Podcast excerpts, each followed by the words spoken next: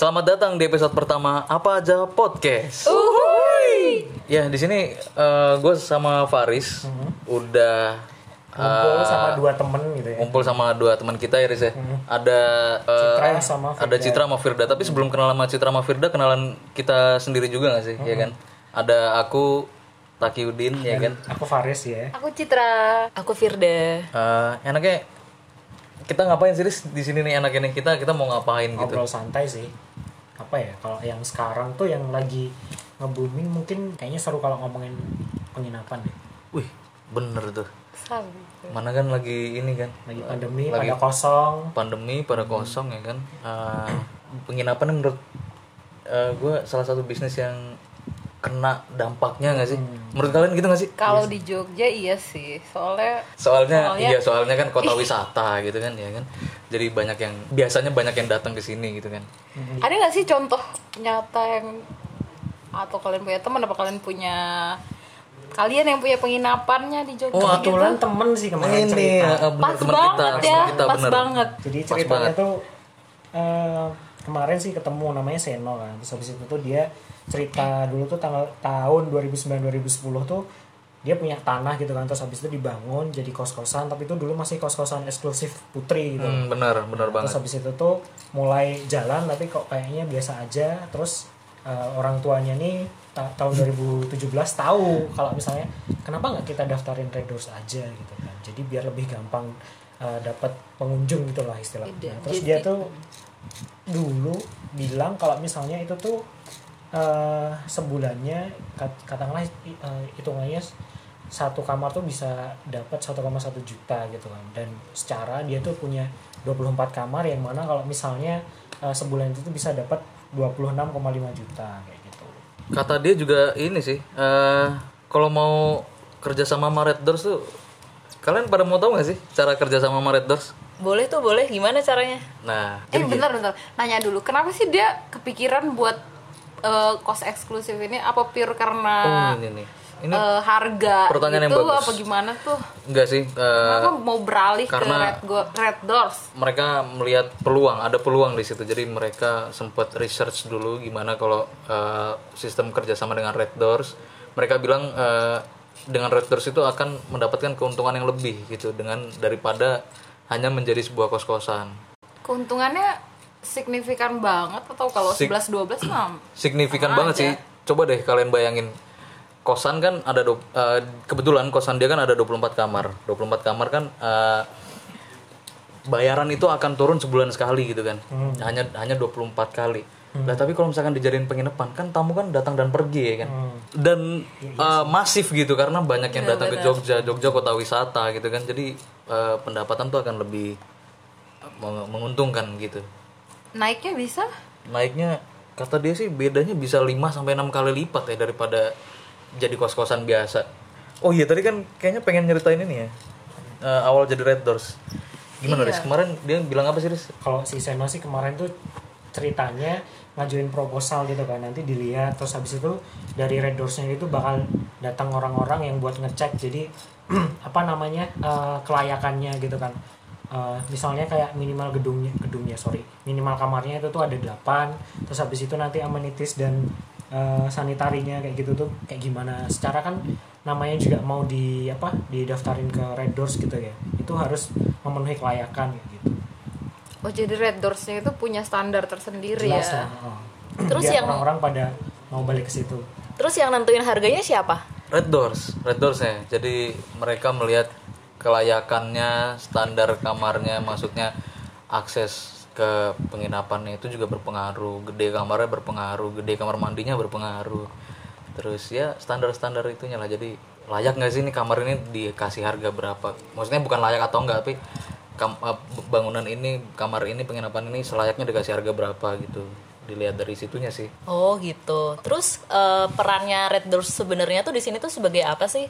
Sebagai pemasarannya kah atau operasionalnya juga dari Red Doors? Red Doors berperan sebagai eh, pemasaran nih.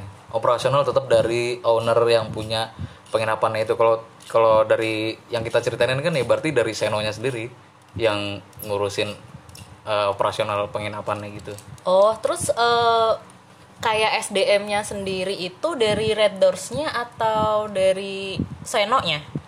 dari Seno jadi dia nyari dia sebagai pemilik Ah, aset tuh nyediain karyawannya gitu jadi nanti kan Red Doors-nya tuh kayak dia punya properti si ownernya ini terus daftarin biar marketingnya biar dia tuh muncul di aplikasi dan semacamnya itu biar lebih gampang menjaring konsumennya kayak gitu Oh jadi pure konsumen itu kalau mau ting apa eh, nginep di situ tuh melalui aplikasi Red Doors itu. ya bisa kayak gitu bisa dat- datang langsung. Cuman kan memang sekarang zaman digital ya. Maksudnya kan orang jauh-jauh hari apa mau Udah pesen mesen. ini dan semacamnya lah. Dari kan kalau misalnya gambling uh, daripada apa datang terus nggak dapet Kamar uh, ya? kamar mendingan kan pakai aplikasinya kayak gitu. Jadi itulah salah satu pilihan kenapa mendingan tuh di, didaftarin ke Red Doors kayak gitu loh hmm, bener banget Eh terus mau nanya dong, apa sih bedanya Oh, iya. ya? Bedanya, Bedanya ya? dengan Red Doors Red Doors Eh, lainnya nih, kenapa sih pengunjung harus kalau ke Jogja tuh nginep di tempat Dilihat- dia tuh apa gitu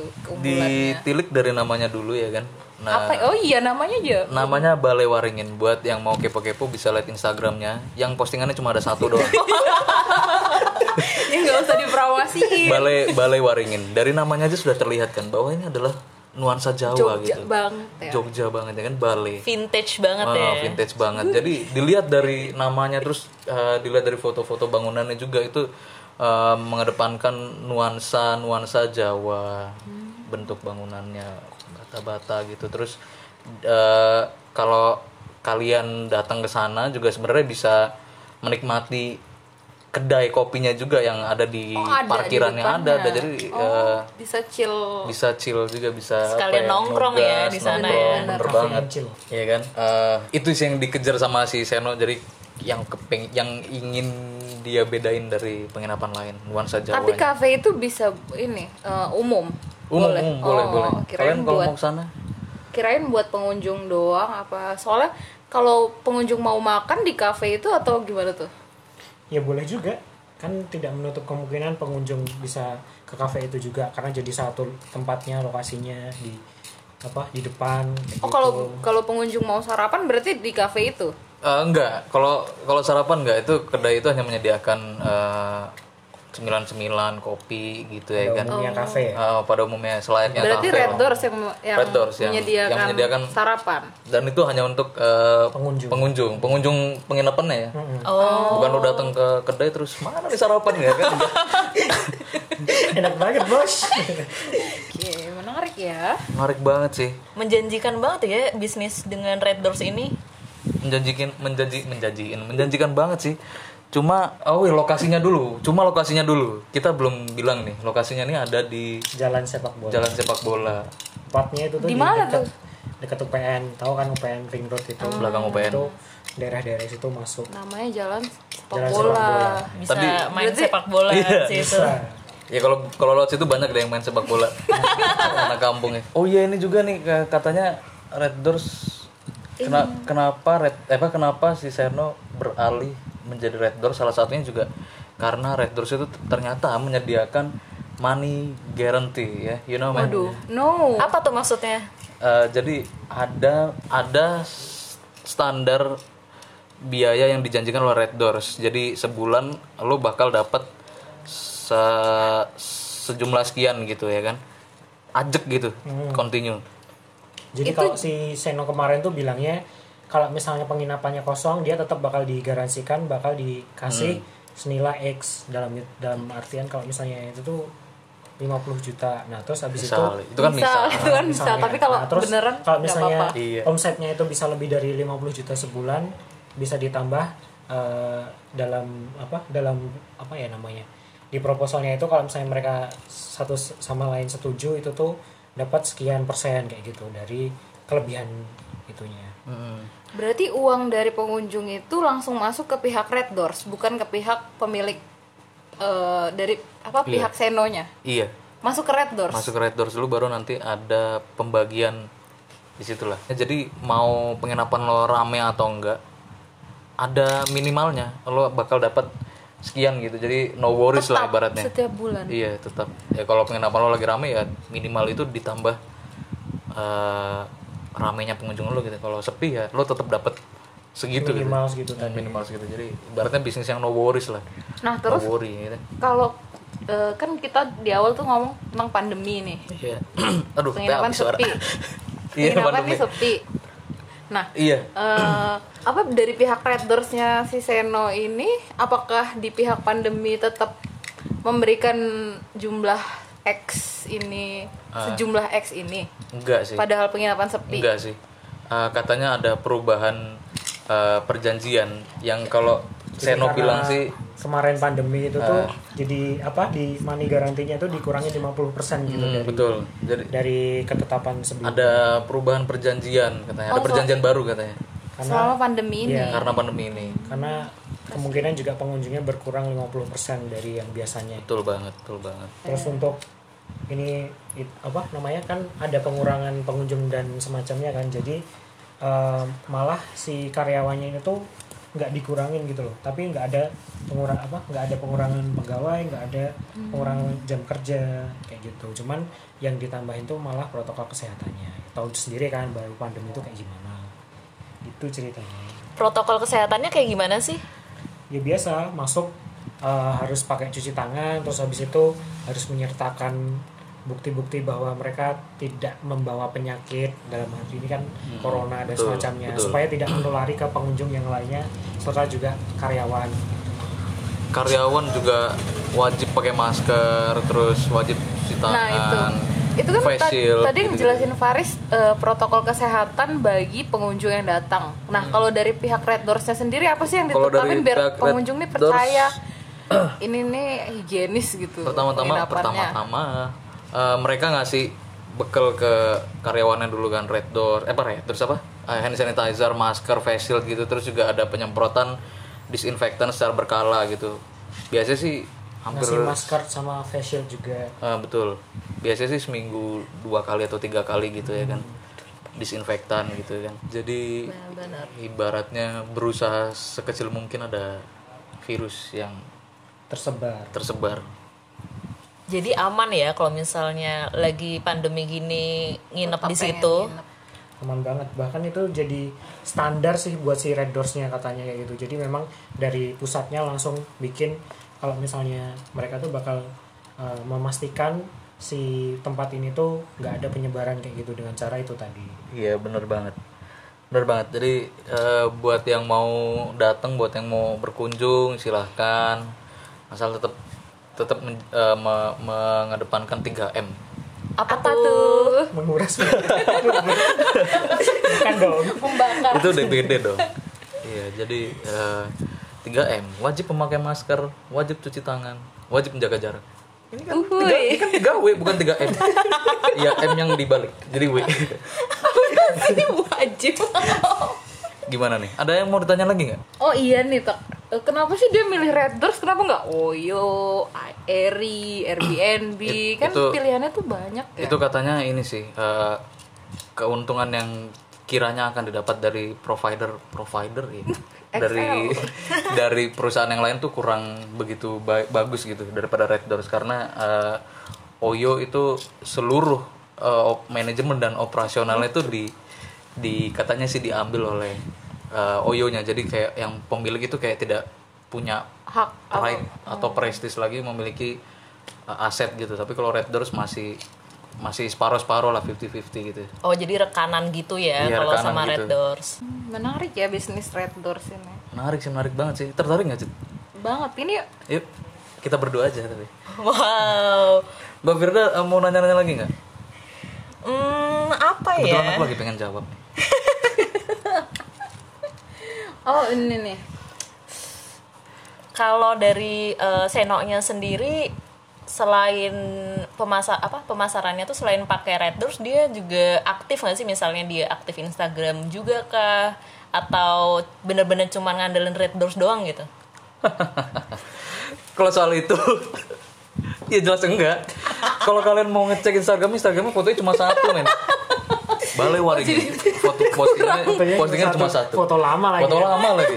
Jadi kalau pengunjung pengen ngecek gimana sih bentuk bangunannya itu dari mana? Bisa langsung ke aplikasi Red Doors saja. atau misalnya apa searching Google kayak gitu kan itu tuh bisa langsung itu muncul bisa- nanti review-review orang kan kita tahu sendiri Google Maps tuh kita uh, bisa kontribusi gitu kan foto-foto video betul, betul. Berarti bisa buat masukan ya kali ya ke Senonya ya diaktifin Instagramnya. Karena kan anak muda zaman sekarang kalau ngecek penginapan Iya. langsung Instagram. Instagram, Instagram kayak Instagram udah jadi kebutuhan primer ya.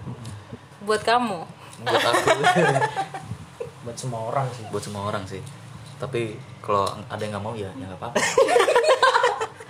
Ada nggak sih ini Seno kan lagi pandemi gini kan eh, dikit ya pengunjung. Terus eh, dia nggak mau kayak meningkatkan apa sih apa sih yang ditingkatkan dari dia di apakah bangunannya diperbaiki apa dari segi pegawainya gitu. Ada nggak sih dia ya tadi kan kalau tadi kan disebutin selama pandemi ini tuh uh, pengunjungnya turun 50% gitu kan. Jadi ya lagi pandemi kayak gini pas uh, nggak hektik-hektiknya pengunjungnya dikit jadi uh, kalau kemarin sih dia bilangnya ada lah dikit-dikit me- apa namanya ini ya, memperbaiki eh, beberapa hal kayak iya kayak salah satunya sih kinerja karyawan sih yang eh, bertugas membersihkan kamar. Jadi dia se- si Seno nih sedikit mengeluhkan karyawannya soal pembersihan wak- waktu pember durasi pembersihan kamar yang biasanya 20 menit. Nah si Seno berusaha untuk menargetkan meningkatkan naik 5 menit aja jadi 15 menit. Oh jadi itu bener-bener di timer apa gimana tuh? Bener-bener jadi diawasin 15 menit 15 menit ada ada kang timernya jadi harus 15 menit nah diharapkan nanti ketika emang kenapa kalau misalnya lama bersihinnya nanti kan kalau misalnya pem- pe- pengunjungnya rame kan kewalahan dong lo harus beresin kamar yang satu kamar yang lain terus 20 menit kan kelamaan nggak sih Hmm, Lagian nanti kalau misalnya kewalahan. ada apa namanya pengunjung tuh mau check in tuh jadi terlalu lama gitu loh. Nah kalau misalnya iya namanya sih. customer kan, customer dia nggak mau apalagi ibu-ibu ya eh, nggak mau ribet dan semacamnya, Betul. nanti eh, hatinya terluka dikit, Wow, wow. langsung wah ini jelek ini bla bla bla bla ya udah ratingnya kurang, Turun, ya. nanti benar benar eh, orang tuh yang bakal kes, apa yang tertarik untuk ke sana Jadi bisa berkurang. juga karena ngelihat semata-mata rating itu tadi. Eh, jadi gitu ya guys nah ini nih ngomongin soal bisnis apalagi kita berkuliah di sekolah bisnis kan MMGM kalau kayaknya nggak lengkap kalau nggak ada eh, petuah-petuah sedikit kata mutiara dari kita gitu ya Apa dari tuh? kamu Oke, jadi gini, buat kalian, kalian-kalian semua yang eh, eh, ingin menjadi pengusaha ya kan, terutama yang muda-muda nih ya kan, Yang anak muda zaman sekarang kan biasanya kepikirannya jadi pengusaha kan, Yang semangatnya masih tinggi yang ya. semangat masih tinggi. Nah, itu eh, kalau pengen bikin usaha, khususnya di Jogja nih, bisnis penginapan nih menguntungkan banget, oke men. banget Gila ya loh. apalagi Ini- habis denger cerita banget tadi ini karena Jogja kan uh, kota wisata yang banyak orang datang secara masif gitu kan ini uh, menguntungkan banget lo mau bikin di di suara abis nih. Lo mau bikin di Seru uh, di di di mana terser, uh, ke- sesuai keinginan lo itu kemungkinan besar akan laku gitu ya kan. Ini menguntungkan banget.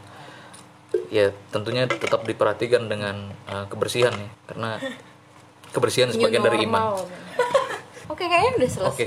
Udah Udah ya? Kayaknya udah cukup di ya? penghujung acara ya? Kayaknya udah Udah- eh, udah Udah terpuaskan udah- nih kita. udah terpuaskan nih kita dengan udah obrolan. tercerahkan dengan obrolan. Obrolan-obrolan santai. Kalau gitu eh, waktunya kita untuk undur diri.